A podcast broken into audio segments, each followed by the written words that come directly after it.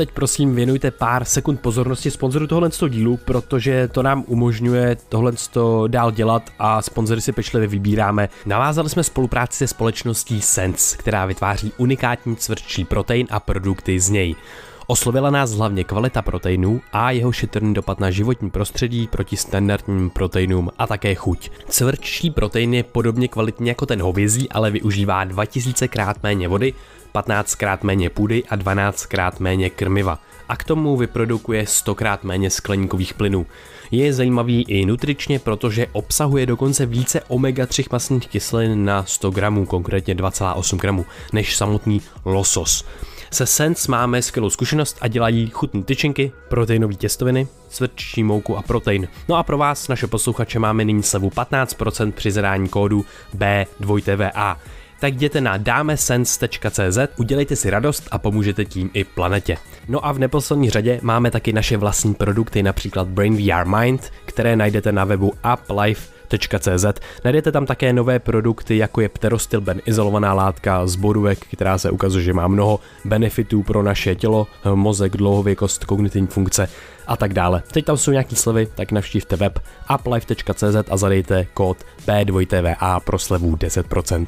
Let's go, bro! We are live. We are live. Welcome to Brain VR podcast. Čau Krištofe. Čau to, jak se máš? Uh, mám se skvěle, dneska je den uh, plného kognitivního nasazení, takže Přesně. se mi to moc líbí. Jdeme na pinčas. Jdeme na pinčas, yes.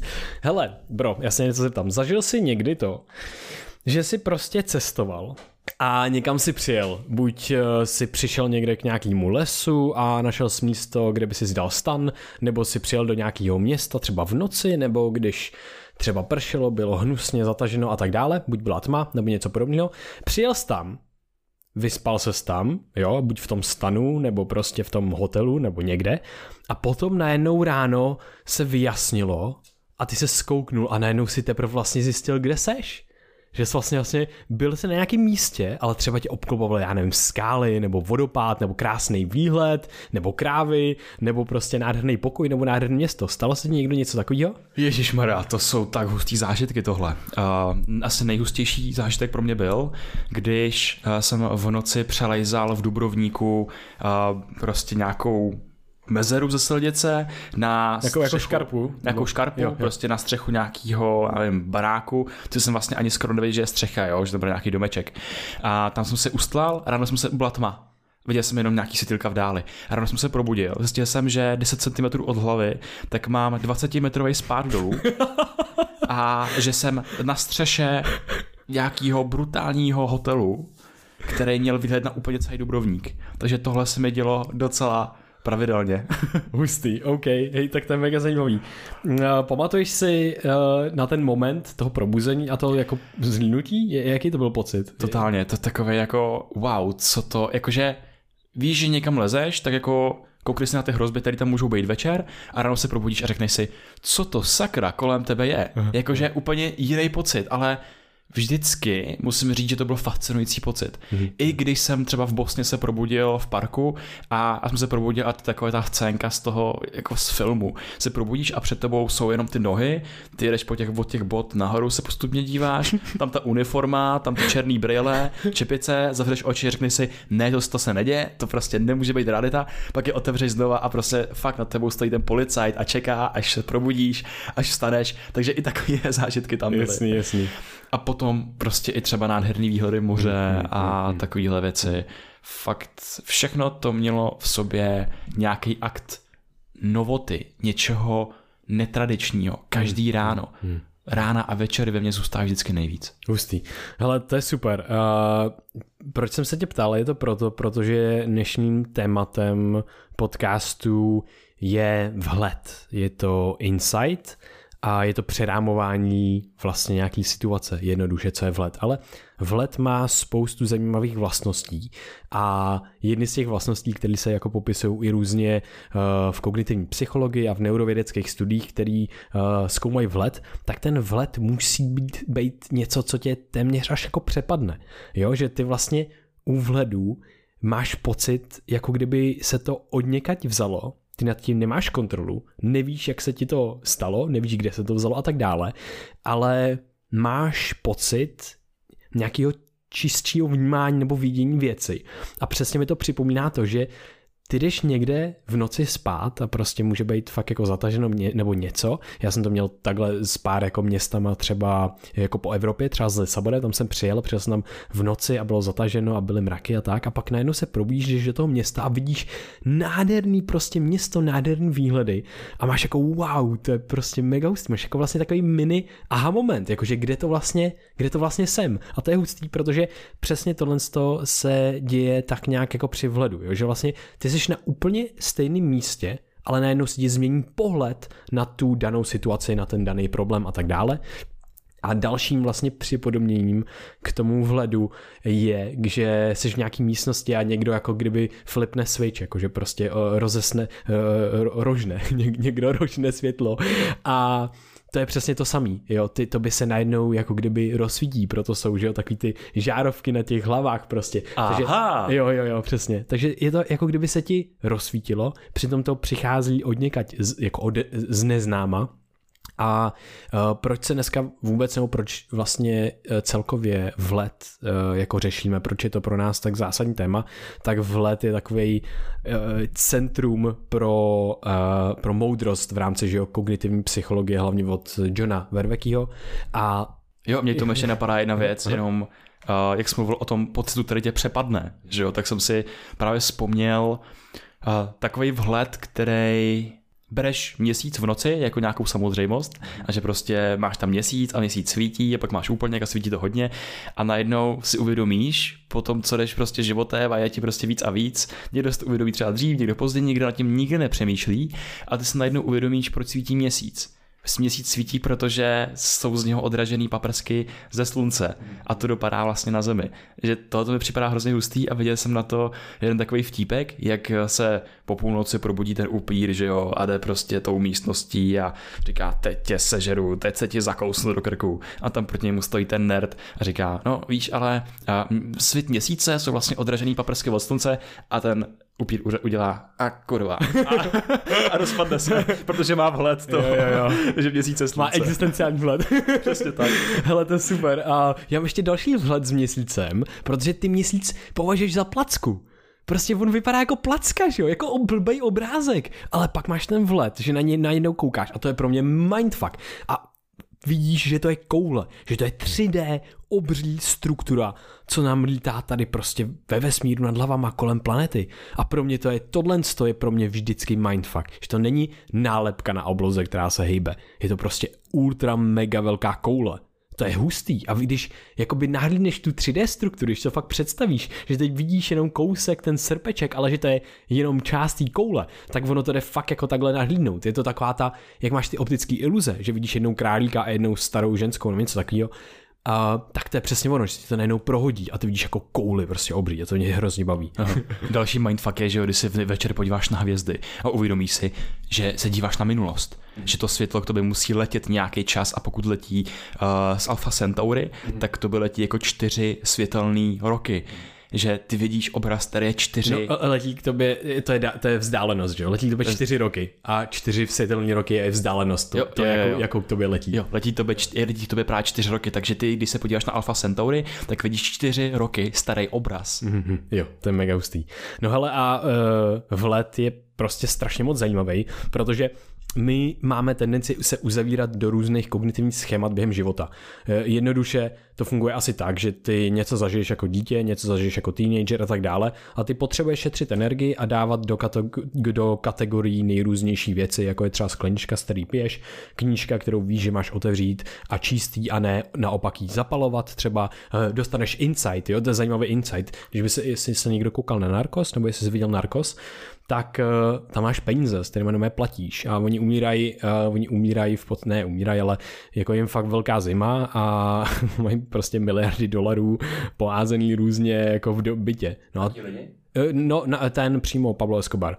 A, a, a on, že má ty miliardy dolarů a jim zima, nemají si s čím zatopit, no, tak prostě vezme ty prachy a začne jim topit, že jo. Máš insight, protože normálně máš knížku na čtení, peníze na placení a nenapadne ti jima topit. Ale pak máš tu extrémní ontologickou krizi, situaci, vezmeš ty peníze a prostě zapálíš je, máš teplo, že jo. A prostě je to papír, hoří to a udělá ti to teplo. Takže to mi přijde jako zajímavé, že i takovýhle insighty vlastně můžou být, protože jenom změníš. A to je přesně ono. Ty se ty si zaškatulkuješ, a tady to jsou, to jsou jednoduché věci, to je knížka a peníze, jenomže my si zaškatulkováváme naše vlastní poznávání, naše to, jak vnímáme svět, to, že máme pocit, že ty měl bych mít vysoký sociální status a být dobrý v tomhle, v tomhle, abych byl hodnotný ve světě. Škatulkujeme si to, že uh, se nám stane nějaká věc, jako že si nás vyberou prostě poslední na fotbale nebo něco takového. A to by se snižuje ta hodnota ve světě. Ale ty už to, po, ty už to považuješ za ten pravý rámec, jako realitu ty se bullshituješ do toho, že něco, co zažíváš, co se naučil jako dítě, že to je realita. Něco, co ti řekli jako rodiče, že je realita. To, jak se chovali rodiče a tví blízký, že je realita. Že představa, kterou máš o sobě ve své vlastní hlavě, že to je realita. A představa, kterou máš o ostatních lidech, jak si představují tebe, že to je realita.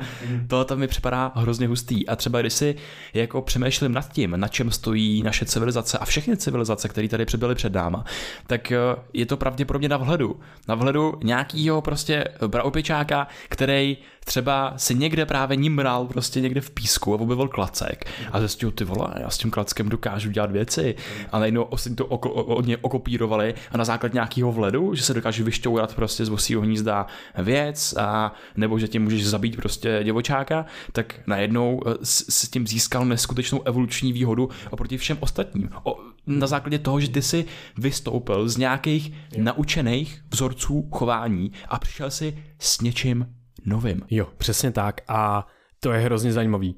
Teď si můžeme teď máme krásně nakreslených jako pár obrázků a teď si můžeme vzít a popsat si tu vervekovskou moudrost, jo, protože uh, to, že se zamkneš jo, do těch schémat, což mimochodem Uh, to, to, to, to se děje automaticky. Ty modely, které si vytváříme, ty schémata, které máme, ten, to náš mozek dělá zcela automaticky a vnucuje nám to. A teď si představ, že prostě ty jsi používal celou dobu historii možná svého kmene, anebo jenom ontologickou, takže svého vlastně života, svého dospívání a tak dále, tak se v tom kmenu prostě používaly klacíky pouze a jenom na to, že zapaluješ oheň. Jo? A uh, inteligence je něco, právě podle té kognitivní psychologie, je něco, co ti vnucuje nejrůznější paterny. Jo? A je to vysoká schopnost řešit problémy. Uh, ano, možná i řešit problémy, ale spíš vidět paterny. Vysoká schopnost vidět prostě paterny. Jenomže inteligence neznamená to, že vidíš reální paterny. Inteligence ti vnucuje paterny, které ani reální být nemusí. Jo? Takže ty se můžeš klamat. Inteligence je, že to je ta smyslutvorná věc, že jo? To, je, to, je, to nás dělá těma smyslu utvářejícíma tvorama. To, že prostě vidíme tamhle uh, hvězdu a tamhle zemětřesení a najednou bum bum, vztah, pattern, protože se to stalo ve stejnou chvíli, takže já udělám hned příběh mezi tím, že tamhle spadla hvězda, nebo jsem viděl kometu, nebo něco, nebo jsem viděl kometu a narodil se Ježíš, já nevím, prostě uh, něco takového. Co, takže se vytváří příběh, ten, na, na základě toho se tvoří náboženství, na základě těch, těch klamů, který vytvářejí kauzální vztahy mezi věcmi, které jsou asociované čistě časově, čistě že se náhodou staly zároveň. Jenomže naše hlava nám vnutí do těchto těch vztahů, nám vnutí nějakou patrnost, nějaký vzorec, který tam ale reálně není. Tohle může být nějaký, jako, eh, nějaká stěná stránka té naší vysoké schopnosti předpovídat eh, věci, řešit problémy a tak dál.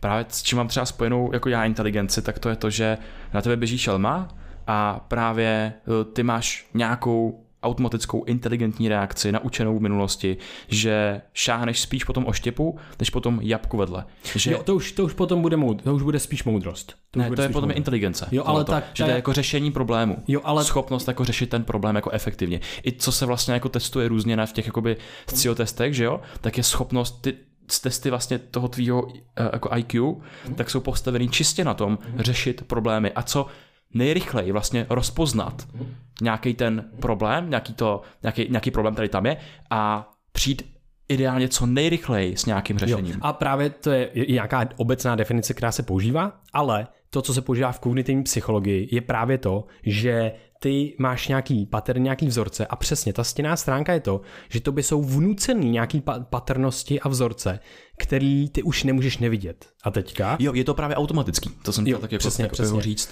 Přesně tak. A uh, uh, potom se dostaneme právě k té moudrosti, ale než se tam dostaneme, tak já bych to chtěl vlastně ukázat na příkladu, který prás, krásně bude ilustrovat to, jak ta inteligence vidí, jasně vidí věci, jasně vidí příběh, ale možná bude chvilku trvat, než to, než to vyřešíme. My, protože my musíme, to, co se to, co vede k moudrosti, je přesah, sebe přesah té inteligence. Ta inteligence krmí samu sebe a musí se jakoby trošičku potlačit. My musíme, víš, tím, že tvoříš ten, to schéma, který ti ale zamezuje vidět jiný, že jo, řešení. To je přesně ono. Ty, ta, ta inteligence ti dává to schéma, ale zamezuje ti řeš, vidět jiný, třeba reálnější a efektivnější řešení.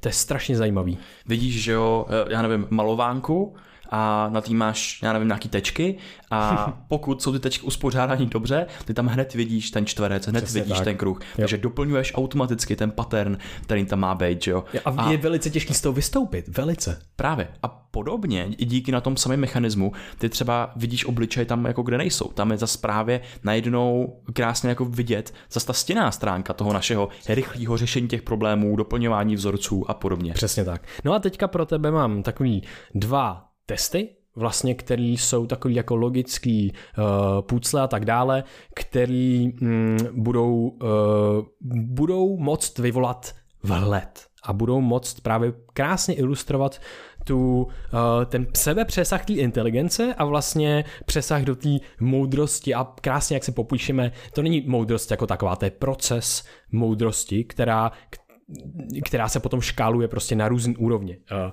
no a Uh, prosím posluchače, až tohle to uslyšíte, my tam budeme dávat kratičkou jako pauzu, ale řeknu, že si to můžete zastavit po tom, co řeknu nějaký, uh, nějakou tu věc a zkusíte to vyřešit. Neznamená, že to musíte vyřešit, nebo že se cí, budete cítit blbě, že to nevyřešíte, nebo něco takového. Zkuste myslet outside of the box, myslete, jak se říká, jak se říká česky. Ja, jako, mimo krychle, mimo, mimo krabici. Mimo krabici. prostě thinking outside of the box. Um, non-konformní nyní mý Přesně tak. konformní myšlení. No, zajímavý, zajímavý je, že potom, když tohle z těch testech, eh, kdy trénovali nebo zkoušeli insight u lidí, když řekli, ať myslej eh, outside of the box, tak jim ne, nepomohlo a to bylo doslova, že měli jenom vystoupit z boxu, který právě viděli v těch devíti tečkách, což je znova nine dot problém, který um, vám dáme odkaz na ní v popisku. Každopádně, tady je první z těch uh, takových jako úloh nebo, nebo taková pucle prostě. Jsou čtyři dívky dívky a před nima je nějaký košík, který, eh, který obsahuje čtyři jablka. Každá ta dívka si vezme jedno jablko, ale přesto na konci v tom košíku zůstane jedno jablko. Jak je to možné? A teďka si dejte pauzu, zamyslete se chvilku nad tím, my budeme pokračovat, Krištof se taky zamyslí a za chvilku vám řekneme odpověď a pak pro vás budeme mít další. Něco tě napadá? Jedna z nich tam to jabko vrátila. Uh, myslím si, že by to byla správná odpověď, ta, ale ta správná odpověď je uvedená tady. Uh, pracuješ jenom s těma informacemi, které ti vlastně jakoby dají, i když asi můžeš použít nějakou aktivitu. Potom uh, ona si to poslední jabko vzala v tom košíku. Prostě si odnesla ten košík. Protože proč by si brala sam, když košík tam by zůstal prázdnej. Ale, no to, to jsou, ale no. ta tvoje řešení je znova myšlení mimo, uh, mimo tu krychli. Takže dost dobrý na tohle jsou skvělé hádanky. Mm-hmm. Když vyhodíš předně do vzduchu, tak je bílej, když dopadne, tak je žlutý a když ho necháš o samotě, tak se hýbe. Když ho necháš o samotě dostatečně dlouho, tak se začne hýbat. Co to je? Když jo, ještě no, když jo. Když ho vyhodíš do vzduchu, tak je bílej, když spadne, tak je žlutý a když ho necháš dostatečně dlouho, tak se hýbe. Vajíčko. Je to vajíčko. Fakt? Jo. Wow, let's go, bro. Hustý, to jsem nevěděl. Tak to je cool. Uh, super, tak jo, tak a dáme třetí, poslední. A, a to je... Uh, máš uh, nějakou tkaničku, nějaký provázek, který, eh, eh, který hoří jednu minutu, ale hoří nerovnoměrně. Hoří prostě chvilku rychle, chvilku pomalu a tak dále. No ale máš jenom jednu zápalku, nemáš žádný hodiny, žádný budíky, nemáš žádný mobil, nemáš nic, kde bys mohl časovat to, jak dlouho to hoří. A jak načasuješ to, že to hoří přesně 30 sekund? Jednou. Máš uh, tkaničku, která hoří uh, celkově jednu minutu. Jenomže uh, hoří chvilku pomalu, chvilku rychle a náhodně se to střídá. Uh, máš jednu zápalku, kterou můžeš zá, zapálit uh, a můžeš zapálit že, tu tkaničku a nemáš žádný prostě časovač, nemáš žádný hodiny, nemáš žádný budík, nemáš žádný telefon, nemůžeš ničím změřit čas. Takže jak zjistíš, že to hoří přesně 30 sekund? Ohnu v půli a zapálím oba dva konce. Yes, bro, you did it, nice. Dobře ty. Přesně tak, uh, zapálíme oba konce na, naraz, prostě musí to vlastně schořet za tu minutu, Aha. tohle jako by celý. Takže tak, um, to jsou řešení, jsou to řešení různýma insightama, protože tenhle problém, ano, můžeš se na něj zamýšlet a tak dále, ale potom u, tohle, z těch, u těchto problémů můžeš mít typ tý aha zkušenosti, nebude to třeba tak silná a tak dále. Insight, ten vlet je zajímavý, že není jenom u řešení problémů, to není jenom, že ty jo, mám před sebou nějaký problém, musím vyřešit. Insight je strašně zajímavý, že se nám děje v životě. Vhled se totiž děje i u kreativních nějakých činností. Vhled je něco, co můžeš mít, když maluješ obraz. Vhled je něco, když, muž, když píšeš knížku. Vhled je něco, když má, seš ve vztahu. Vhled je prostě čistě a jenom přerámování té zkušenosti. No a teďka, co jsme udělali, že jo? My jsme měli nějakou hádanku, nějaký slova a v těch slovech bylo zakódovaná nějaká informace. Ale my jsme viděli jasný příběh. Prostě jak to, že tam může zůstat to jabko, když si všechny ty holky vzali? Jak je to možné? No, my změníme, jenom přerámujeme tu situaci. No ta holka si vzala to jabko i s tím košíkem. Vzala si prostě to všechno.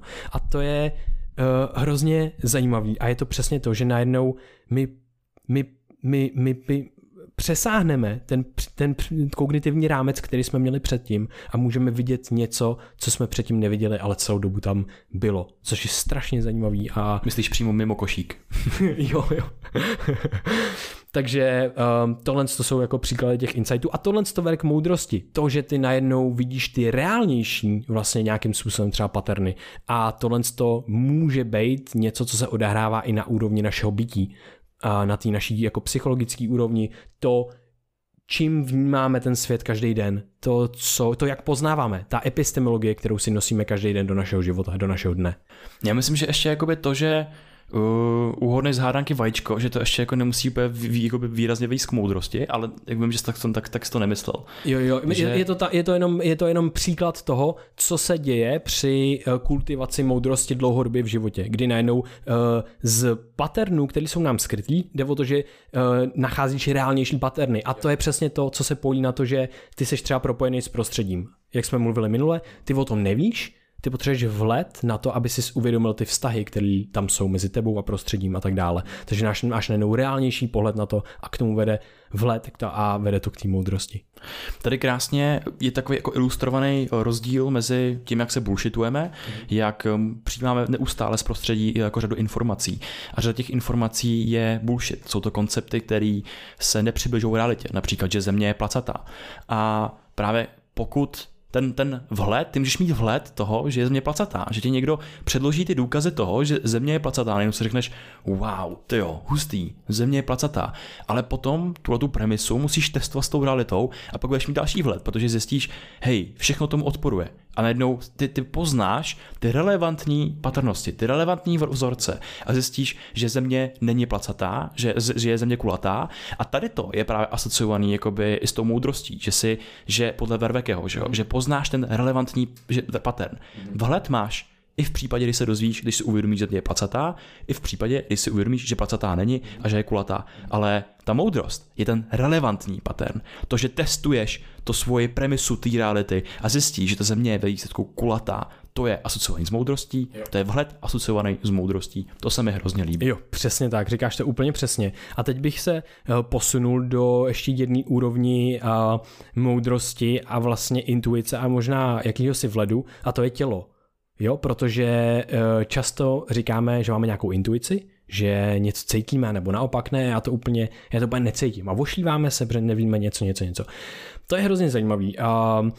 V knize Malcolma Gladwella eh, víš víc, než si myslí, nebo tvůj mozek ví víc, než si myslí, eh, krásně popisuje to, jak tvoje tělo má skrz miliony let evoluce, kdy se vyvinul z živáčka o velikosti jedné buňky, se vyvinul tak, že jsi velice dobrý v rozpoznávání nějakých paternů z okolí. Ty paterny budou většinou, hele, tamhle je cukr, hele, tamhle je hezká slečna, hele, tamhle je vlak, který mě právě jde zabít.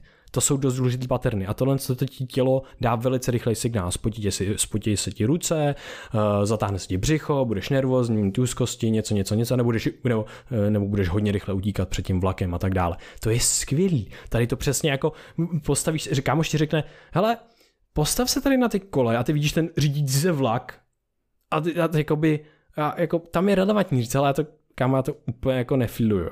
to, mi to, to je fakt super. To je dost dobrá reakce, jakoby. Možná dokonce jsi blázen, ty idiote, ty A prostě jdeš pryč, nebo něco.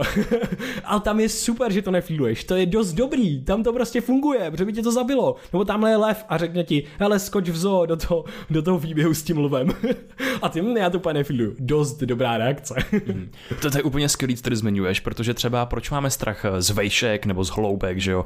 Z vejšek, tak to je nějaký jako zakonzervovaný mechanismus v našem těle, že ty by naskočí ta stresová reakce ještě předtím, než máš šanci uklouznout a totálně odsoudit všechny své budoucí generace k zániku.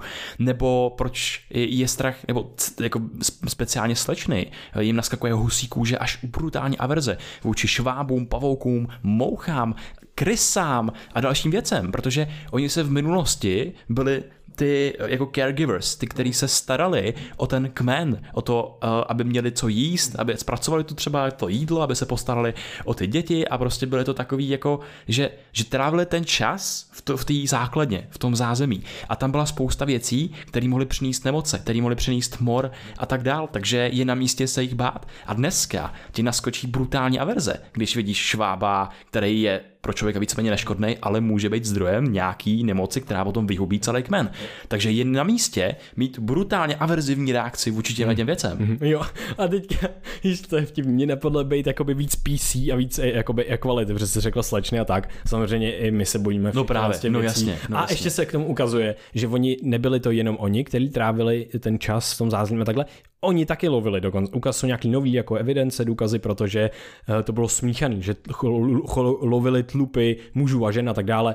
Muži trošičku pře, přebí, jako by byli jich trochu víc a tak, jenomže to není, jo, a aby jsme tady dali další perspektivu, Krištof to nemy, jako by my to nikdy nemyslíme 100% takhle nebo takhle, vždycky to je ilustrační případ, příklad pro něco. Takže to, to, bylo, to, to byl příklad uh, z knihy Ape Who Understood the Universe, jo, jo, jo. kde právě tam jsou tyhle jako evoluční psychologie, jako příklady z té evoluční psychologie a já jsem se to zase automaticky přejal, protože on tam popisoval například na slečnách a já si ho přejal úplně automaticky od něj, takže teď jsme způsobil vhled vlastně. super. Jo, krása, hele, super. Uh, krásně se dostáváme do zajímavých věcí. Uh, tohle je moudrost toho těla. To je ta intuice, to je ta spra- protože to jsou relevantní paterny některý. Jenomže tahle ta moudrost toho těla, ta intuice, která nám může umožnit přežít nebo se roz- rozmnožit nebo něco, tak nám může způsobovat nějaké jako věci, které nejsou až tak výhodné. Řekněme, uh, jdi vystoupit před tisíci lidma na pódium Jo, a ty můžeš mít úplně stejný pocit a říct, ty já to tak nefiluju a dokonce je to větší strach v dnešní společnosti eh, než třeba ze smrti. Jo, jsou na to nějaký neuro, neurální jako taky mechanismy, protože uh, náš mozek nám trošku inhibuje přemýšlení přímo jako v těch neurozobrazovacích studiích, kdy zkoumali aktivitu mozku, tak se ukázalo, že když přemýšlíme o smrti, tak nejsme, nemáme kapacitu, náš mozek nám nedovolí přemýšlet o vlastní mortalitě, o vlastní smrtelnosti. Proto pravděpodobně je větší strach z vystupování na veřejnosti. No a tohle to byl evolučně jako docela výhodný intuitivní vzorec, jo? protože kdyby se strapnil před, těma, před tím svým kmenem, tak se pravděpodobně spíš nerozmnožíš, všichni si to budou šuškat a najednou ty budeš vyvrhel, vyvrhlo mě hell, yo, eh, Pragonian. Sorry, I cringe too, it's okay. A, a teďka eh, ty můžeš v pohodě jít před tisíce lidí a můžeš tam zandat největší strapněnice na světě a Je budeš to jedno. pravděpodobně dost v pohodě, protože budeš mít dalších milion samiček, s kterými se budeš moct rozmnožit. Nebo sam, samečků. sam, samců. Tzu. Uh, tak, uh, takže to jsou vlastně paterny a in, ta intuice a moudrost, která ale se trošičku zvrtla toho těla. No a kde už ta intuice přestává fungovat úplně, tak mám krásný příklad ze svého života, kdy nějaký můj blízký člověk nechtěl vakcínu, A to je hrozně zajímavé, protože s vakcínou, ano, byli, jako vymysleli jsme vakcínu tisíce let naspět v Číně, kdy jsme prostě eh, drtili eh, nějaký hnis ze psů a tak dále, z, z nějakého, z nějaký, co to bylo, nevím jestli, ne slinivka, nějaká prostě nemoc v Číně a oni to normálně homoždířem, homoždířem kámo drtili a ono to fungovalo, pak si to dávali do, přímo jako do ran nějakých a tak, takže totální kentus a fun, jako fungovalo to částečně, že to, to byla první vlastně jako forma vakcíny, jo, což bylo crazy. No a to ale nám nestačí na to, aby jsme měli intuici s nějakou vakcínou, protože potřebujeme, jak jsem řekl, ten vývoj je po miliony, miliardy let samozřejmě, že nějakých tisíc let to nic není v té naší biologii. No a teďka jsem slyšel odpověď na to, že je, já chápu všechny argumenty pro vakcínu a souhlasím s tím a tak dále, ale nějak to nefiluju, nějak to necítím. Tak jsem, tak jsem si jako, tak jsem právě vysvětlil ten evoluční mechanismus intuice, toho, že to cítění něčeho je intuitivně skvělý, je to dobrý to využívat, intuice je velice důležitá, ale není výhodná ji využívat v něčem, v čem nemáme absolutně, nemůžeme mít intuici. Takže to je jedna věc. A další věc je ještě jenom zase za intuici, nejenom proti, ne, ne proti ní. Intuice je skvělá v tom, že um, my nemůžeme naší vědomou myslí pojmout všechny paterny, které tady jsou. A těch je to fakt hodně. Já nějak necítím, že si mi s nějakým člověkem není moc dobře. Nebo v té krá... a teda dobře, dovysvětlím příběh, eh, no příklad, když mi není s někým moc dobře, když to nějak nefiluju, tam jsou nějaký důvody. Ten člověk uh, může mít nějaký horší záměr třeba, nebo něco takového. Eh, nemusíte si sednout biologicky, nebo v, já nevím, feromonově. Je, je, ty... Nebo ti něco připomíná, s čím máš špatnou zkušenost. Přesně tak. v ruce hrušku a ze to včera poblil, nebo jako... Může to být celá řada věcí, ty si to neuvědomíš, ale to jsou právě ty skrytý paterny, jo, a to je hrozně hustý, že tohle to ta intuice umí a je naprosto zásadní. No a potom... Nevíš, co nevíš. Uh, jo, nevíš, co nevíš a potom další příklad prostě s paděláním obrazů. Týpek celý život pracoval v muzeu a zkoumal obrazy a tak dále. Mm, a jednu, jednu dobu tam převezli, převezli nějaký nový obraz a všichni to testovali, wow, tyjo, tenhle obraz je hrozně zácný, fakt jako za miliony dolarů třeba. No a všichni si mysleli, že to je real ten obraz, že, že to není padělek, nic a tak, e, jako, že to je v pohodě. No a ten týpek prostě nějak to nefiloval, ale nefiloval to skrz jako uh, mysl přímo, spíš prostě byl takový jako divný a potily se mu ruce. A on skrz ty ruce tomu dávalo signál tomu tělu, že se mu potěj, to, to, to, ty mysli, že něco není v pořádku.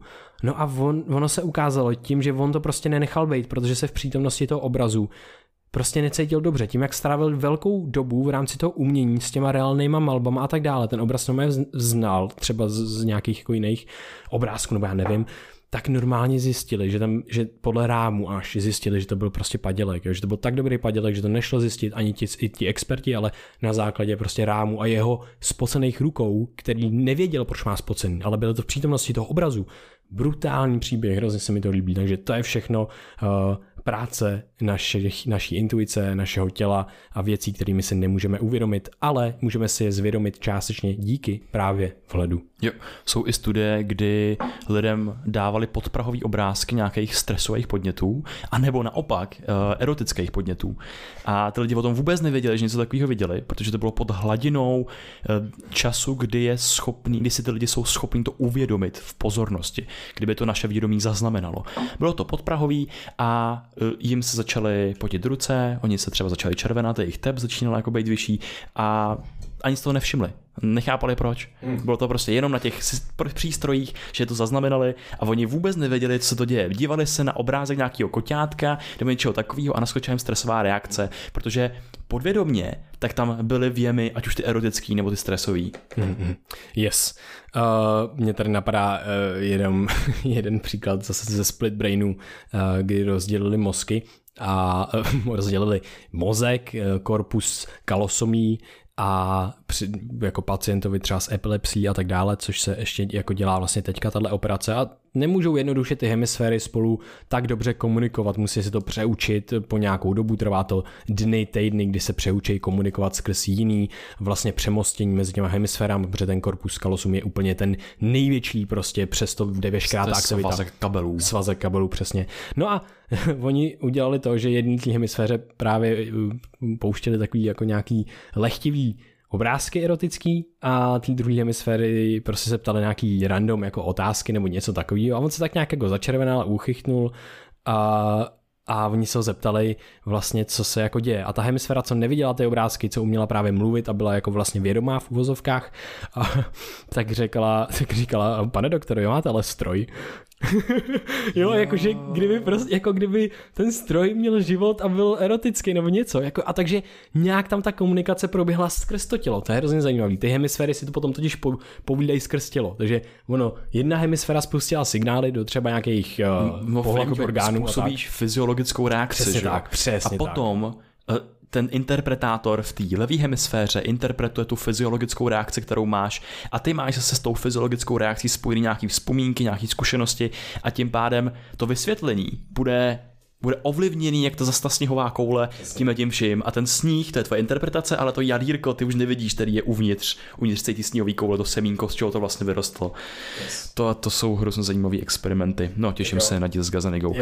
Vrátil bych se ke vhledu Já. a k moudrosti. Aha. Popsali jsme tady takový krátký schnutí, že moudrost je rozpoznávání nějakých relevantních vzorců, mhm. jak jsem tady popsal vlastně nějaký, nějakou placatou zemi a kulatou zemi, máš u obou můžeš mít vhledy a když to otestuješ, zjistíš, že nerelevantní je ta kulatost té země. Dává to, dává to smysl, odpovídá to tvý zkušenosti, realitě a všemu. Jo, a uh, tady důležité upozornit, proč vlastně chceš ty rea- reální vhledy i za tu cenu, tře- třeba, někdo může namítnout totiž, ty jo, ale uh, já se cítím tady dobře v této realitě a tak dále a tak dále, ale uh, když se Verveký ptal jeho žáků, tak uh, se jich ptal, hele, máte vztah? Uh, a ten vztah jako funguje relativně dobře, jste jako spokojený a tak dále, je to v pohodě. Chtěli byste vědět, že vás ten partner podvádí, kdyby vám to zničilo vztah, anebo byste byli v nevědomosti s tím, že ten vztah bude třeba nějakou dobu v pohodě, nebo prostě bude pokračovat dál tak, jak pokračuje. Co byste radši? Většina, 90% těch žáků se přihlásilo a řeklo, že by chtěli aby věděli, jestli ten partner podvádí. A proč je tomu tak, že jo? My, my chceme, my bažíme po té realitě, protože jinak řekneš, ty, to nebylo reálné, to Nechceš byl se bullshitovat. Nechceš jo. být klamaný. Jo, a je to, že jo, ochrana, ochranný mechanismus, protože ty investuješ čas, peníze, hodnotu, všechno do toho vztahu. A najednou cože, ty zjistíš za pět let, když máš dítě, že celou dobu to byl bullshit? To fakt nechceš, takže to je tvoje velice silná obrana proti kla, sebeklamu a klamu obecně. A to je právě ten rozdíl, když poznáme realitu, tak je pro nás ten tím ušetřením té energie, jak jsi tady mluvil, že tam tě záleží na tvoji energii, stráveném času a tak dál, tak tady, když poznáš realitu, tak naopak se snažíš ušetřit tu energii a ten čas a tím pádem je pro tebe snaží, že přijmeš nějaký uh, krátkozraký řešení a odpovědi, který sice s tou realitou nemá nic společného, ale tvoje, tobě uspokojí ty vnitřní otázky a nejistotu v tobě a zase ušetřit ten čas a energii. Proto je tak těžký rozpoznávat relevantní paterny v té vnější realitě a máme větší tendence ke konspiračním teoriím, k bullshitům a, tam, a tak dál. Všichni, já, ty, posluchači, všichni. Jo, jo, přesně tak. No a e, teďka jako konkrétně k nějaký neurovědě toho vledu, protože teď jsme se pohybovali taky jako psychologický tak, okay, no. Tohle byla moudrost, mm. jo, teď jsme popsali jakoby tu moudrost, rozpoznávání relevantních vzorců, proč je to důležitý, proč se můžeme bullshitovat, super příklad s těma vztahama a teď vhled, mm. co je to právě vhled? Vhled vede k té moudrosti. Vhled je to, když rozpoznáš, že tohle je bullshit a tohle to je relevantní. Vhled máš, když ti něco zapadne do sebe. Aha, moment. Vhled ke vhledu vede změna perspektivy, uh, změna úhlu pohledu, když dokážeš přerámovat tu situaci. Vystoupit ze svého rámci vnímání, že, jak si popsal, vidíš jabko, eh, v tom v té hádance a najednou vytvoří úplně jiný rámec. Najednou, OK, jabko v košíku, to je úplně jiná věc, o které jsme se bavili. Přesně tak, je to, uh, je to znova, je to přerámování těch schémat, který si vytváříš, který vnu, vnucuje uh, ten mozek. Představ si, že uh, v té tvý zkušenosti vzniká jakýsi hrad. Ty máš pocit, že to je hrad z kamene, je velice pevný a nejde zbořit. Vhled je něco, co ti dá uvědomění toho, že ten hrad nikdy není úplně tak pevný. Že samotný tvoje vnímání, samotný ten hrad, který si celou dobu stavil, tvoje přesvědčení, který teďka si držíš velice blízko sebe, prostě, že to je na 100% tímhle způsobem, tak je to, že najednou ty zjistíš, že ten hrad byl možná nafukovací. A tobě se prostě prdne a splach, splácne se. A ty potřebuješ rozbít ten hrad na ty jednotliviny, vykopat díru, vykopat jámu a tam začít stavět nový hrad s pevnýma základama, což jsou právě to relevance realization, uvědomění si relevantních patternů, relevantních informací, relevantních vzorců. Hezký, hezká metafora pro tohle, kterou si nosím s sebou už nějakých 5-6 let, tak to je, když stavíš hrad eh, z karet, když stavíš zámek z karet tak domeček, domeček s tomu říká, domeček z karet, tak postavíš, že jo, ty to první patro, stavíš to dál a dál a dál a dál mm. a všechno to je křehký. A přesně, aby si zjistil, co je relevantní, co, co je ve skutečnosti moudrý, tak ty potřebuješ si to nechat někým rozbít. Ty tvoje, no, ty tvoje nahromaděný vhledy. Ideálně je testovat neustále. Právě, ideálně dát, ideálně... zandáš kartičku a vydáš jinou. Ty drží to dobře, vyndáš jinou a zandáš další. Jo? A hned furt je vyndáváš, zandáváš, aby to držel dobře. Jo, což u toho domečku moc fungovat nebude. ale jo, tak jestli to má dobrý ale, základy, tak jednu může no, no právě, no právě, že ty to máš nejdřív z těch, máš to totálně křehký, mm. a potom to testuješ. Testuješ ty jednotlivý patra. V konverzaci testuješ to s tím, že to porovnáváš s těma důkazama, testuješ to s vlastní subjektivní zkušeností, protože to je taky důležité, s svým prožíváním, například ta moudrost toho těla a tak dál, co je pro tebe důležitý, co je pro tebe relevantní.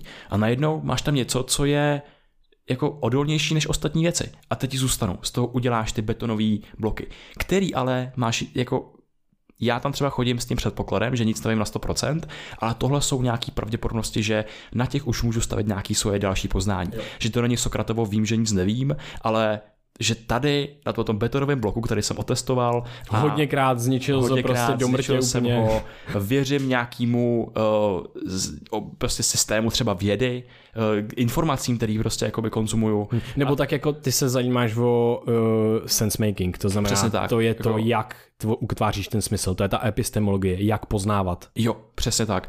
A najednou tady říkám, tohle tomu můžu věřit třeba na 99%. Máš tam to 1%, kde to může, ty jsi ochotný změnit svůj názor ve světle nových důkazů na 99%. A tohle je nekonečný proces. Neustále vytvoříš nějaký nový patro a potřebuješ se ho nechat rozfoukat, aby si vytvá, aby si aby ti to přiblížilo blíž té realitě přece. Hmm. Aby si aby ti to vedlo k té verve, vervekijovské moudrosti. Mm. Že tohle je ten relevantní vzorec, na základě kterého ty se nebullshituješ. Mm. Že tohle je ten relevantní vzorec, že chceš vědět, jestli tě tvůj partner podvádí nebo ne. Mm. To, to je přesně tak. ono. Jo, to je přesně ono. No a teď eh, k tomu, přímo k tomu vledu je strašně zajímavý, co se děje v mozku v rámci ledu. Existuje mnoho studií na jako Neuroscience of Insight a tak dále. No a ukazuje se pár zajímavých věcí.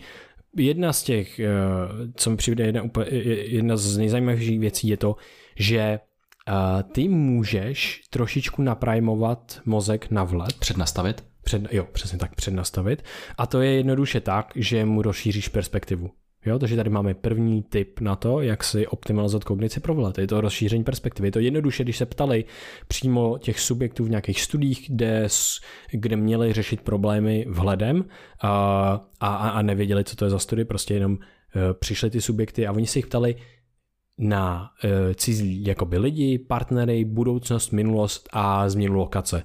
Všechny tyhle ty věci jsou změny perspektivy, protože ty začneš přemýšlet v jiných rámcích, ty najednou přemýšlíš v rámci sám sebe v budoucnosti, v minulosti, ty přemýšlíš empaticky, v perspektivách jiných lidí. Tohle to všechno ti rozšiřuje mysl. A ukazuje se taky, hrozně zajímavý, Pravděpodobně je e, schopnost pro vlet asociovaná s lepší jako náladou, protože změna perspektivy je kauzálně kauzálně asociovaná s lepší náladou. Ty se víc uvolníš a uvolnění ti zase rozšíří trošičku mysl. Takže to je taková pozitivní zpětná vazba. Čím víc Čím širší máš perspektivy, tím seš klidnější, tím širší můžeš mít kontext, tím seš kognitivně flexibilnější. To je další termín, který můžeme používat v rámci toho, když mluvíme o vhledu a o tom, jak je naše mysl flexibilní se přizpůsobit těm novým rámcům, který ještě nevidí. To znamená to může dojde k vhledu, což je strašně zajímavý. A uh, ukazuje se taky, že těsně před vhledem se stane, nebo ta, ta mozková aktivita poukazuje na to, že naše hmm, pozornost jde směrem dovnitř, jde, jde směrem do našich interních vnitřních procesů a do tvých schémat. Jo, a snižuje se, snižuje se aktivita occipitálního laloku, zrakového kortexu, který zpracovává věmy z, z, z samozřejmě z toho, ze, ze zraku a tak dále. Tohle je hypotetizovaný, že ty potřebuješ mm, dostatek kapacity a soustředění na jemný, křehký neurální procesy, které se dějí, které se nesmějí nabůrat, protože dochází, je to těsně před tím vhledem přece. A ty se jako kdyby zamýšlíš, přemýšlíš a ty si nezvolíš, jestli to vyřešíš vledem nebo analytickým způsobem. Jo? Tyhle ty, ehm, ty testy, které se dělají, ono to je zvláštní, protože jsou různé testy, které si můžou dělat. Většinou se dělají takový jako words, že, že um, hra, hrátka se slovy vlastně. Jo, a ty to můžeš prostě analyticky zkoumat a teda a teda a teda, a nebo ti dojde nějakým tím způsobem ten vhled. A potom porovnávají aktiv, mozkovou aktivitu to, to těm, kdo na to došli analyticky a těm, kdo to došli vhledem. Takže jako jsou různý určitě vhledy taky, jako různý typy vhledů a zrovna tenhle ten právě je asociovaný s tím, že se snižuje ta aktivita v tom occipitálním naloku a ty máš ty nuance, ty jemný mm, patrnosti, který vlastně ne, nepřebývají. Jo? Ty, ty furt, jak jsme si říkali ty příklady, ty vidíš ten původní příběh, ty vidíš ten původní rámec. Ty musíš být velice citlivý na to, aby zaznamenal jiný rámec v tvém mozku, respektive tvůj mozek musí zaznamenat jiný rámec a musíš mít ten vhled. To je přece strašně kouzelný, protože tobě ten mozek na tebe řve. Je to tenhle rámec. A představte si, že vám někdo řve do ucha. Vedle vás někdo je, nějaký, řekněme, trenér na, na zápase a řve vám neustále do, do ucha. Střílej. A, a jo, jo, řve, střílej, střílej, střílej, furt a nikdy nezařve, ne, nezavře klapačku. To je přece hrozný. Tam bys nikdy nepřišel na vlet. No a ty musíš jako kdyby se vyzounovat, jako zone out, kdy, kdyby jsme pokračovali s tímhle příkladem, a musíš na chvilku vyignorovat toho trenéra a zjistit, že ty já můžu nahrát a někdo jiný může dát kol. To je příklad toho, kdy ten mozek dostává signály a někdo mu říká, je to takhle, je to takhle, je to takhle. Někdo mu říká, střílej, střílej, střílej, střílej. Mozek to říká sám sobě, samozřejmě, podle toho, co vidí, podle toho příběhu, který vidí. Ty musíš vystoupit z toho rámce, takže musíš být citlivým vůči nějakým šepotům, které jsou někde dál. Takže představ se někdo řve, střílej, střílej, střílej, ale někdo v dálce tam na tebe máma z, z, z ochozu nebo něco řve, nahraj, nahraj, nahraj, ale ty to vyslyšíš jenom velice málo. A stejně tak mozek má ten překřičený rámec, který na tebe řve střílej, ale někde v, vzadu je tam ten šepot a ty musíš být citlivý na ten šepot. Musíš slyšet to, že můžeš přepnout ten rámec. A tohle se děje v arteriálním eh, cingulárním kortexu. To je, to je oblast, která přímo ta, ta aktivita, ona dává do konfrontace různý právě ty kognitivní schémata, různý informace, které jsou třeba protichudný a tak dále. Ona je porovnává, ona je potom rozvádí dál a tak dále. Ta aktivita v tom arteriálním cirkulárním kortexu je, je asociovaná právě s vledem. Ty musíš mít dostatečnou aktivitu, aby se rozpoznal ten šepot, různých protichůdných anebo jiných schémat, který ti nezapadají třeba původně do toho příběhu. Takže tohle je přesně to, kdy ty dojdeš k tomu vledu, kdy ten mozek vyslyší ty jiný schémata, které ty zatím ještě vidět vědomě nemůžeš. To se ti samozřejmě děje všechno v podvědomí a, a vede k tomu právě třeba pozitivní nálada, uvolněná mysl, méně stresu, z, rozšíření perspektiv.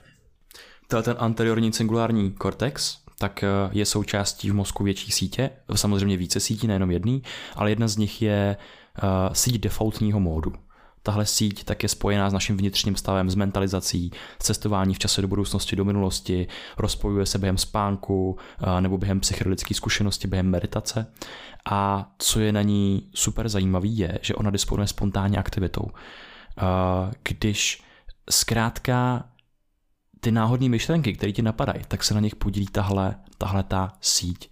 A to mi připadá hustý, že ty se do tohoto moru dostáváš, když přesně vypneš ten tvůj externí svět z části, když z té exekutivní sítě, která zodpovídá za zpracovávání informací z vnější reality, z okolního světa, když počítáš matematický příklad, nebo když na tebe někdo řve střílej, střílej, střílej, tak se dostaneš, přepneš se do toho vnitřního světa.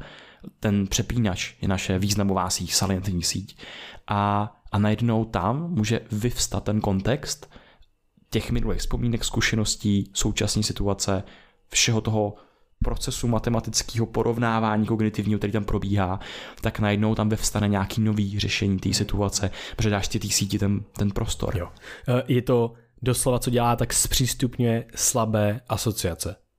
V, těch, eh, v tom kontextu těch eh, testů, kdy vlastně měli nějaký ty slovní hříčky a tak dále, tak to bylo zpřístupnění přímo slabých semantických asociací. Semantický, což jsou nějaký významy těch slov a tak dále. Takže to mi přijde strašně zajímavý.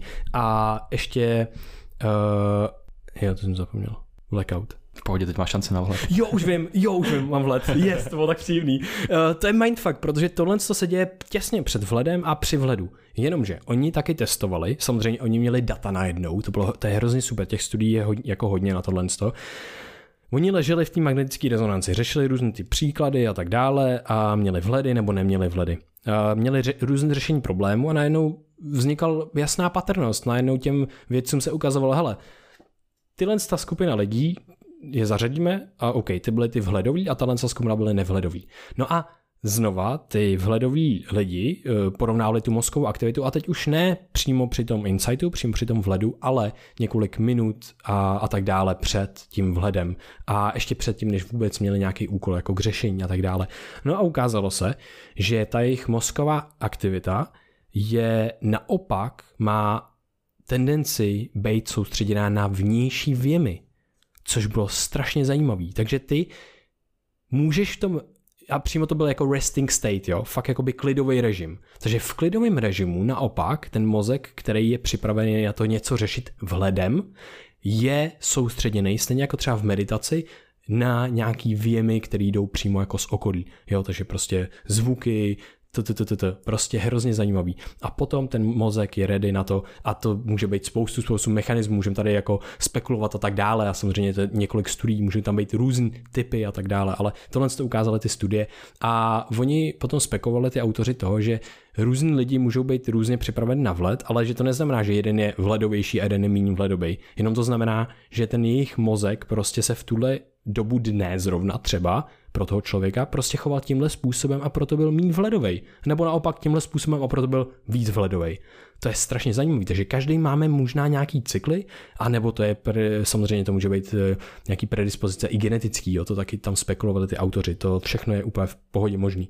A můžou prostě být lepší časy dne, kdy máme lepší vhledovost. A nebo si ty lepší časy dne můžeme udělat tím, že prostě budeme praktikovat všímavost. Protože všímavost je přece klidový režim všímání si prvotních věmů z okolí. A nebo třeba ráno je skvělý, když se vezmeš sešit, začneš si vypisovat věci. A třeba sny, tak tam právě probíhá k té náhodné aktivaci různých regionů, ať už v occipitálním loku nebo prostě ve zby, zbyt, zbylých částích mozku, tak uh, tam se ti najednou sny jsou nelogický, sny jsou myšmaš, většinou nedávají smysl, ale občas se probudí probudíš z toho snu s nějakým náhlým vhledem, protože se tam na základě tvých zkušeností a zároveň z ně, některé studie naznačují, že sny by mohly anticipovat budoucnost, že vlastně tam hrajou roli v nějakém uh, minimalizování rizik v budoucnosti, Oni... že ti tam že tam se těm rozvěcují vzpomínky a zkušenosti a regiony, které by pro tebe mohly být aktuální momentálně. Zkrátka ty příběhy, co si prožíváš v realitě. Přesně tak, přesně tak. No a najednou se můžeš probudit a mít ten vhled a jednou, tyjo, toto mi nikdy dřív nedošlo, že prostě můžu teď odletět do Ameriky a prostě žít tam a zpívat tam a dělat tam jako co chci. A najednou to třeba uděláš, protože prostě ten vhled si dřív předtím neměl. Takže sny jsou taky, můžou na pomoci tomu generování vhledu. A ráno, když ještě tu hlavu nezaměstnáš nějakým externím úkonem a začneš si třeba vypisovat ty věci, tak tohle je taky takový ten prostor, kde můžeš mít větší šanci pro optimalizaci kognice pro vhled. Ano, ano, je to přesně tak. Ještě zmíním pár zajímavých věcí v rámci té neurovědy toho a e, jenom to, že ten anteriorální singulární kortex, e, tak jeho aktivita je narušená v poruchách nálad a tak dále, jo, což je zajímavé v depresivních poruchách, v poruchách úzkosti. No a ten, tenhle ta oblast je také hypotetizovaná. Takže, takže, takže je daleko těžší mít vhled, když máš přesně nějaký tak. špatný mentální rozpoložení? Jo, jo, přesně tak.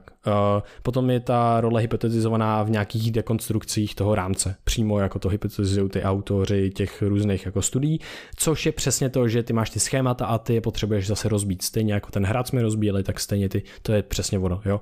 A ta zvýšená aktivita je taky zaznamenaná při meditacích a při psychologických zkušenostech, takže zase podpora právě nějakých vhledovosti, že optimalizace kognice pro vhled. A dostatečná aktivita toho anteriorálního cingulárního kortexu je právě považovaná za to, že vlastně ti to umožňuje zvážit vůbec jiné možnosti řešení. To je přesně o čem jsme mluvili, jo? že najednou ty uslyšíš ti tichý hlasy. Umožní to tu kognitivní flexibilitu. Jo, jo, jo. Postavit ten rámec jinak. To znamená, nehraje roli jenom v dekonstrukci toho rámce, ale postavit ten rámec jiným způsobem, což je zase důležitý. Ty nepotřebuješ rozebrat realitu do mrtě, protože bys měl potom prostě pískoviště. Ty potřebuješ na tom pískovišti taky sestavit nové věci. Ty modely, které jsou Přesně tak užitečný. Přesně tak. No a uh, to je, jo, to je k té neurovědě si myslím tak nějak všechno to nejzajímavější. Takže co je to, co je to vhled? Eh, vhled je ten aha moment, ten wow efekt, kdy se, kdy prostě změníš ten rámec a najednou eh, se naučil nebo prožil něco, co jsi předtím jako neviděl. A vhledy nahromaděný vhledy můžou víc k moudrosti, což je právě ta, to relevantní vidění právě třeba té reality. Uh, co vede ke vhledu? Ke vhledu vede právě ta kognitivní flexibilita, schopnost měnit perspektivy, schopnost myšlení out of the box, změnit ten rámec, v kterém přemýšlíš. Nejde ti vyřešit problém, kdy se snažíš vyřešit danou, já nevím, pohyb dané kuličky, podívej se, jak se daná kulička pohybuje ve svém prostředí. Nebo se ti projít a přijít zpátky. Nebo se ti projít perspektivu. a přijít zpátky. A najednou ti to změní tu perspektivu, tu kuličku z jiného úhlu pohledu. Jo? Vhled je neskutečně zajímavá a obohacující věc. Jo, další věci, které vedou ke vlevu, vledu, jsou třeba stavy flow, je to i naše oblíbená maximalizace náhody, protože co děláš při maximalizaci náhody, házíš se do úplně jiných kontextů, který předtím ani nevíš, že tam jdeš. To znamená, je to hezky asociované se vledem, nevíš, že to přijde jo, to se děje při maximalizaci náhody. Změny stavy vědomí, jo, jak to je, může být jak meditace, jak psychologika a tak dále. Nebo třeba i kafe. Nebo třeba kafe. a spíš čaj je lepší na vhledy, jo. Kafe je zase trošku stresující, takže ti trošku snižuje kognitivní flexibilitu a e, sou, seš soustředěný moc jakoby. V čaji máš LTA, jenom máš jo. tam lí, větší to laterální myšlení. Přesně tak. A, no a potom samozřejmě zapomenuté způsoby vědění, o kterých jsme mluvili v 96. díle podcastu. To jsou ty čtyři způsoby vědění, kdy prožíváš tělem to byto bytostné prožívací vědění, ta účastnická povaha, o které jsme mluvili i minule, to, že seš účastníkem s ostatními lidma, seš tady mysl s ostatníma myslema, s kterýma komunikuješ, tančíš tango, jak jsme se krásně bavili, seš tady na tom parketě a seš propojený s tím prostředím, máš tu úče, seš, prožíváš, existuješ a tohle to mě dovádí k jednomu, jednomu důležitému, důležitý věci a to je existenciální vhled. Zase je na ten je to materiál na celý díl, je to důležitý téma. Nahráli jsme na to celý díl v 98. díle našeho podcastu. Je to to, že si uvědomíš různé módy existence, které si předtím třeba neuvědomoval. Vždycky tady byly, ale my na ně dost často v naší dnešní společnosti zapomínáme. Mm-hmm. To mě napadá ještě jedna věc, která je důležitá u vhledu a k cestě za moudrostí a to je otevřenost. Hmm. To je otevřenost Zásadní. světu, informacím, Zásadní. novým pohledům a taky otevřenost měnit vlastní názory ve světle, ve světle nových důkazů. To je to, jak se popsat tu maximalizaci náhody. Ty musíš přijmout nějaké informace, aby se ti v tom mozku uvařila ta polívka a právě když se ta polívka dovaří, tak to vede k tomu vhledu, že najednou ty podáváš ten pokrm a ten chutná úplně jinak, než chutnaly všechny ty informace, které si přijímal předtím. To je ten krásný moment, kdy se učíš nějakou látku třeba na zkoušku, vůbec něčemu nerozumíš a pak po chvíli začne dávat smysl, zapadat to do sebe a ty najednou přichází ty vhledy. Aha, tohle souvisí s tím, tohle souvisí s tím. A ten obrázek se pomalu rodí v tvý mysli, ale ty na to skoro nemáš žádný vliv. Ty jenom konzumuješ ty informace, snažíš se přijít na ty, na ty propojitosti, na ty vazby, na ty, na ty vztahy. Vměníš ty rámce od těch slov, od těch písmen, od těch slov, do těch věd, do těch odstavců, do těch kontextů, do těch příběhů. Tam ten vhled se ti naskytuje po těch úrovních a najednou ti to mění celý vnímání tvojí reality. Vhled je, je pro to mě... systemický vhled, že jo, potom jo. je to prostě hustý. Vhled je pro mě taková takový red pill, jako když máš před sebou morfe a nabízí ti modrou nebo červenou pilulku. Modrá je, nikdy nebudeš mít vhled a budeš hloupý jak prase. A pá prasa jsou docela chytrý, by the way, nechci urážet prasata. A červený je budeš mít vhled a uvidíš realitu a svět způsobem, kterým se ho ještě nenahlídnu. Vhledy jsou pro mě červené pilulky, kde já se najednou podívám na svět očima, kterýma jsem ještě neviděl. Je to skoro srovnatelný s tím, s momentem, který si asi málo z nás pamatuje, já taky ne, ale muselo to být hustý, když jsem si uvědomil, že existuju poprvé. Jako dítě jsem rozpoznal sám sebe v tom zrcadle a zjistil jsem, tohle jsem já. Já existuju, já se můžu vymezit vůči prostředí. Já mám vhled existenciální. Aby se tam potom zase, zase snažil začlenit Přesně zpátky. tak, celý svůj život. Hele, to je super. A poslední věc, která mě napadá, optimalizaci kognice pro vhled, která je taky vlastně, e, tyjo, možná úplně nejdůležitější. A to je vlastně to, že chodíš světem a jsi otevřený tomu světu. Zajímáš se a bavíš se s ním. Dialogos, hluboká, otevřená komunikace signálu toho, jak se cítíš. Když se otevíráš světu, svět se otevírá tobě. Lidem se otevíráš, lidé se otevírají tobě. Můžete se dostat do těch hlubokých věcí. Máme nádhernou schopnost sdílení těch našich neuvěřitelných subjektivních zkušeností, které jsou plný, barevný a dávají ti vhledy, protože ty wow, tenhle člověk zažil tohle z toho a vnímá to tímhle způsobem. Jak to, že to vnímá tímhle způsobem, když já to vnímám úplně jinak? Máš vhled, ty jo, aha, každý vnímáme svět úplně jinak. Takže možná já nemám říct, ří, přijít a říct, ty to je úplný bullshit, ale prostě možná se zajímat nejdřív. A tohle, co ti dá strašně moc zajímavých vhledů, informací. Totálně, když posloucháš cizí příběh, tak uh, ty naše zkušenosti jsou hodně podobné. Vyskytujeme se v hodně podobné realitě. I když je každá jiná, tak se vyskytujeme v hodně podobné realitě, která má pravděpodobně stejné premisy. A ty, když posloucháš cizí příběh a nasloucháš, tak si z něho můžeš vzít nejvíce vhledů pro ten svůj život. Proto si lidi skáčou do řeči. jo, jo.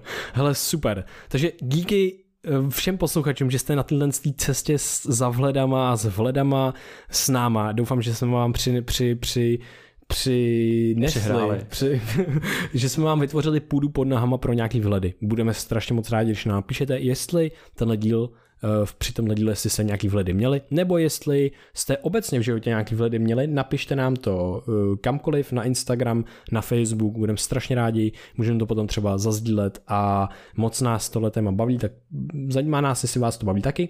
A můžete nás podpořit, jestli vám tohle líbilo, jestli vás to bavilo, nebo jestli si myslíte, že to je užitečný, tím, že to zazdílíte se svým kamarádem, kámoškou, babičkou, dědou a tak dále, že to zazdílíte na Instagramu, označíte nás tam, my to třeba přesdílíme, nebo nás můžete podpořit i třeba na startovači. Tam nám pošlete 250 korun, stovku, nám to ohromně pomůže a máme taky nový subscription model, kdy nás stačí podpořit a máte přístup k nejrůznějším zajímavým uh, věcem předem uh, a ještě k tomu dáváme extra content uh, k tomuhle všemu. Přesně tak a zazdílejte s náma váš vhled právě na tom Instagramu. Přidejte k tomu hashtag vhled, označte Brain VR a my vylosujeme několik z vás, kdo vyhrajou náš kurz eh, mentální modely nebo průvodce mozkem Ne, myslí. průvodce mozkem myslí. Průvodce mozkem myslí. A když zadáte kód BVD2TVA, tak máte 10% na všechny naše kurzy v slevu, takže dohromady vlastně 30%, což je docela dobrý už. Takže si užijte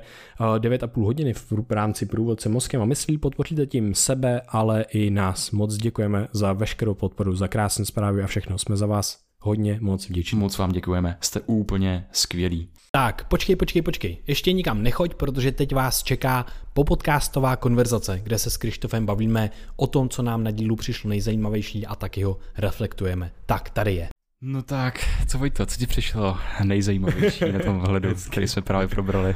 Hele, vhled, uh, mně přišlo nejzajímavější to, jak je to nej, jedna z nejzásadnějších, jeden z nejzásadnějších mechanismů, který nám, nás může dovést do toho, že budeme prostě žít spokojnější život. Jakože o čem to tady je celý. Uh, jak život, ale tak i náš podcast. Celou dobu se na našem podcastu snažíme řešit to, že jak udělat tu naší realitu trošičku příjemnější a vlastně to, jak tu realitu modelujeme, tak na základě toho se pak cítíme. To není nic jiného. Takže mě hrozně baví, že vhled je něco, co ti může vlastně radikálně proměnit během lusknutí prstu tvoji subjektivní zkušenost. A musíš si dát bacha, nebo já si musím dávat bacha, a myslím si, že to u vhledu a uvědomění tak je, že to netrvá dlouho. Ne- Respektive není to na celý život. Ty máš pocit, že se ti přerámovala ta realita a opravdu se ti může fakt jako na týdny měnit, jako úplně si všímáš těch věcí a seš, prožíváš jinak. Jenomže prochází hedonická adaptace, vracíš se zpátky do toho původního stavu, zapomínáš na to, máš pocit, že jsi na to přišel, takže na to nemyslíš. Stejně jako ty si nedávno říkal, že bolí mě klouby, řeším to a beru si ten chondro, co to bereš, chondro, něco, Chondroitin. chondroitin a tak dále. A pak ti to přestane bolet, jo. To je stejně to s uvědoměním. Něco tě jako kdyby bolí, předámuješ si to a jsi v pohodě. Zapomeneš na to, přestaneš to brát v uvozovkách. Stejně tak ty přestane ti ubylet klouby a ty, ty paradoxně přestaneš brát tu, ta věc, která ti pomáhá. To znamená, to znamená, pro mě je nejzásadnější si uvědomovat ty, znova, ty věci znova, vhledy znova, mm-hmm. připomínat si je, zapisovat si je, myslet na ně, integrovat je do svého života. Stejně jako máš po psychologickém zážitku, nejdůležitější část psychologických zážitků je po něm integrace toho zážitku, integrace těch vhledů, který jsi tam měl. Takže to mi přijde mega zajímavý. To je mega super a hlavně já myslím, že důležitý je tady to uvědomění, že těm vhledem asi každý procházíme, že uh, každý s ním máme zkušenost, je to nevyhnutelná součást života a vývoje člověka, až, ať už od chvíle, kdy si uvědomíš, že seš, mm-hmm. že se rozpoznáš v tom zrcadle jako ten tříletý capart, až po další různý uvědomění, že wow, tohle je auto, něco, něco, wow, když se učíš řídit, tak nejdřív myslíš na všechny ty věci a potom to do sebe všechno nějak jako zacvakne. A najednou ty disponuješ tou schopností řídit auto, máš, máš jako ten totálně hluboký vhled do toho, že už nemusíš myslet na všechny věci, ale už máš vhled do toho prožitku, jaký to je řídit auto. Že myslím, že tohle je součástí našeho života a otevřenost tím novým vhledům tak eh, nám umožňuje se neustále učit.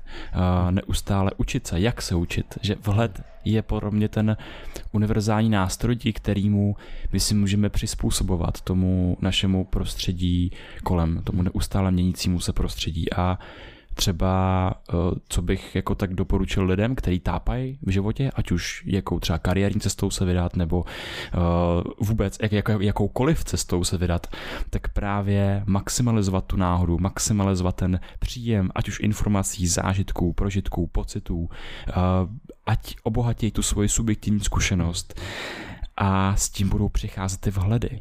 Ty vhledy, který si nenaplánuješ. Nenaplánuješ si vhled, já chci vědět, jak, eh, co, co mě napadne jako příští myšlenka, ale teprve to k tobě jako přijde. Dojde to k tobě s tím, jak ty se otevíráš světu, jak jsi otevřený novým informacím a novým zážitkům a jak zkoušíš.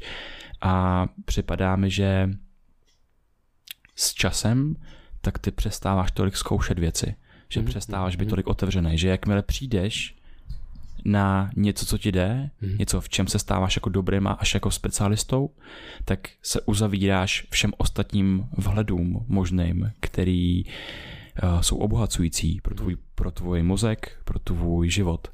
A tady právě vlastně bych chtěl, aby my jsme neustále alespoň měli nějaký mikromomenty času, kdy se otevíráme novým vhledům, novým informacím, novým zážitkům, hmm. novým lidem a jejím zkušenostem. Jo, jo, to mi připadá zcela zásadní.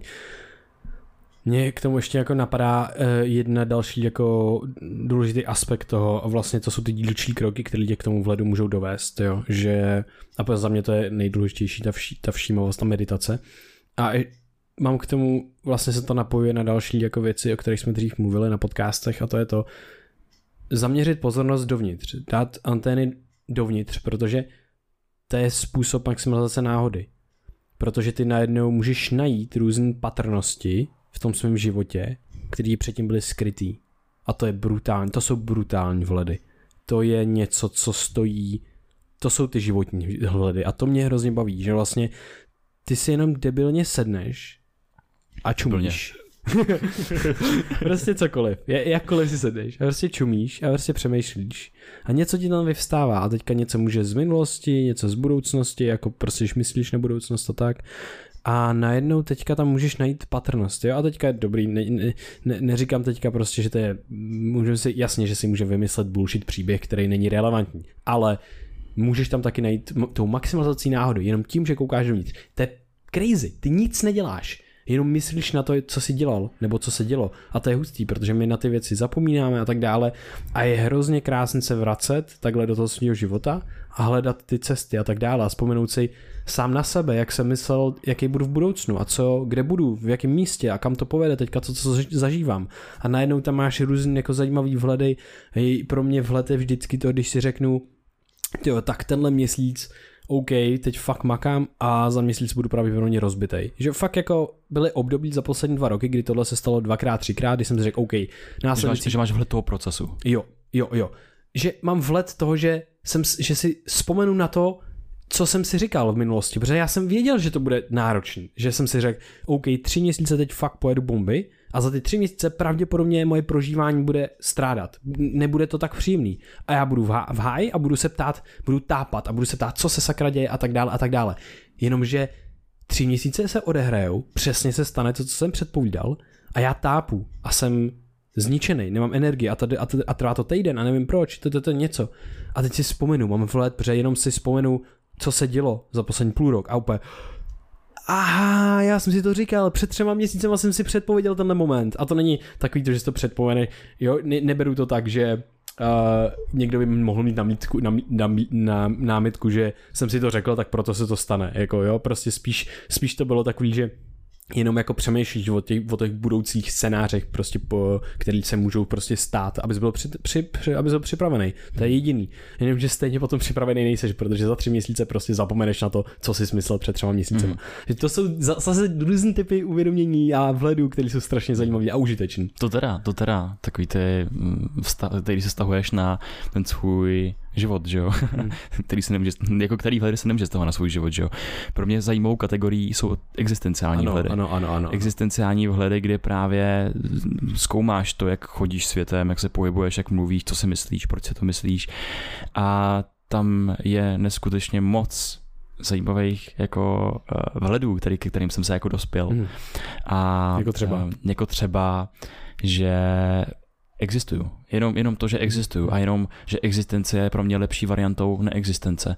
Jak říká David Schmachtenberger, už jenom kvůli tomu, že existuješ a považuješ za existenci za smysluplnou, tak považuješ sebe za smysluplnýho, že hmm. dáváš smysl a snažíš se ten potenciál těch svých smysluplnosti naplnit tím, že budeš dělat ideálně, co tě baví, co má smysl pro tvoje okolí a co ti přinese nějakou energii zpátky. Hmm. Takže tyhle ty typy existenciálních vhledů ti můžou naprosto ovlivnit život a Hmm. Dalším takovým mým zajímavým vhledem bylo, když jsem byl třeba v nějakých negativních situacích a uvědomil jsem si tu změnu perspektivy, že ten nástroj, že to můžu použít. A například, že se vzdálím právě třeba, jak se to dělá v těch meditacích, eh, v mysli od té od země a podívám se na tu zemi prostě z vrchu. My jsme tomu říkali, my jsme tomu říkali vesmíroterapie. Podíváš se na sebe z vrchu a zjistíš, jak jsi titěrnej. A podíváš se na ten svůj problém, který právě řešíš a zjistíš, že ten problém je ještě titěrnější než ty. Hmm. A to samý můžeš, jak se vzdaluješ v prostoru od svého problému, tak se od něj můžeš vzdálit v čase. A mě baví si představit mý třeba 70-letý já, který se podívá zpátky do minulosti, na ten moment, který právě teď řešíš, na něčem se rozhoduješ, chceš udělat nějaký totálně radikální rozhodnutí, řekne si fuck it, ty vole, seru na to, nebaví mě to, chci hmm. odejít od toho. A podíváš se zpátky a řekneš si, jaký největší chyby svého života jsem udělal a byla právě tohle, co teď řeším, jedna z nich. Mm-hmm. A to ti dá úplně novou perspektivu, to ti dá vhled do toho, co doopravdy třeba chceš. Mm-hmm. Je to hustý, tohle co jsou skvělé, já mám taky takový pár takových existenciálních, mám jako dva, který si připomínám často a jeden z nich je jako uvolňování se do věcí, jakože většina věcí bude v pohodě a bude víc v pohodě, nebo ty budeš víc v pohodě, když se u, u, do nich uvolníš že jako můžeš brát ten moment, kde seš ten nejlepší možný moment, kde seš, nebo ten nejlepší, tam nejlepší možná věc, co se děje, protože se děje a můj přístup k tomu toho, co se děje, ovlivní to, co se bude dít, ovlivní to, jak se budu cítit a jak ta situace, jak z ní vypadnu. A ukazuje se i ze studií a tak dále, když snížíš stres, když máš nějaký pozitivní náhled a tak dále, tak se ti rozšiřuje kognitivní flexibilita, rozšiřuje se ti schopnost řešení toho problému. Takže tohle je pro mě krásný praktický jako nástroj na tohle. Další je právě ta úroveň toho jako uvolnění, že vlastně jenom to, znova, jenom to, že jako existuješ, jenom to, že existuješ, tak jsi strašně šťastný. Že už jenom to, že ta spermie došla tam, kdyby to byla jiná, tak seš to as, tak to nejseš ty, asi je to trošku někdo jiný vlastně, jakoby. A to je strašná náhoda, to, že se potkali tví rodiče, to, že vzniknul život, jako to, že vzniknul vesmír, to, že tady je poměr hmoty a antihmoty takovej, že nám umožňuje, že tady je trošičku víc hmoty a že vlastně je to jako by chyba, nebo považují fyzici, prostě jako Neil deGrasse Tyson a tak dále, že to je jako chyba, to je další vhled, který je hrozně zajímavý, dává ti to takovou jako humility, takovou mm. vděčnost prostě a pokoru. A potom další je, co mám právě hezky, jako měl jsem to, neměl jsem to tak dobře uchopený dřív, ale dal mi to vhled jedna essay, respektive je to i diplomová, diplomová práce mm, Daniela Christiana Walla, Participating in Dynamic Wholeness. A to je to uvědomění toho, že pokud máš cokoliv, tak cokoliv se, pokud to není jedna věc, tak se to skládá, tak to můžeš považovat za celek. Třeba tenhle vesmír. Ten celek má části ale prostě, když není celek, tak, nejsou, tak, ne, tak nemůžou existovat části, vždycky tohle musí být ten vztah, ale celek nemůže existovat bez svých částí. A ty seš jedna z těch součástí a tohle si uvědomíte hrozně krásný, protože to ti dává taky ten smysl, protože prostě ty seš ten proces, který se účastní, to je to hmm. participating, ty jsi ten účastník a spolu účastníš se s ostatníma částma. A když tady nebudeš, ty části dávají smysl tomu v tom v rámci toho celku prostě. A to je jenom taky jednoduchý uvědomění toho, že wow, jako vlastně no jo, já jsem vlastně v jedné realitě, v jednom vesmíru. Mm s ostatníma lidma, s ostatníma částicema, s ostatníma sklenicema. To je hustý. A to mě vede k takovému vhledu, co se týče vědomí, že my, když často mluvíme o mozku, tak uh, myslím, že jsme občas někde řekli, že náš mozek vytváří realitu. Že, a někdo si může myslet, že naše realita, tak jak ji vidíme, že to je iluze. Že to je ten obraz, který vzniká vlastně uvnitř těch zákrutů toho našeho mozku. Ale já bych tady chtěl udělat takovej, uh, takovou, takovou, takovou maličkatou korekci, hmm. protože ono to není tak, že my vytváříme realitu, my spolu utváříme. Jo, protože my jsme provázaní s tou realitou vzájemně a tím pádem nejsme osamocení. Nejsi izolovaný. Vlastně. Nejsi izolovaný. Nejsi, nejsi osamocený od toho prostředí kolem. Nejsi jenom v těch zákrutech svý lepky a že tam vytváří svůj vlastní svět a že nic, co vidíš, se je, je, je od tebe fundamentálně oddělený. Ty to všechno spolu utváří, se spolu účastníkem a tohle je jeden z těch nejdůležitějších vůbec vhledů mýho života, bych řekl. Hmm.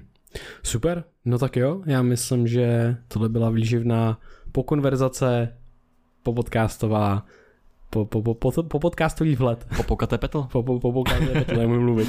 Super, Krištofe, díky, tohle bylo moc příjemné. Taky děkuju. Tak jo, mějte děkujem, se Děkujem vám všem, co nás podporujete, fakt se toho moc vážíme. Díky moc, mějte se krásně. Čau, čau. Ahoj.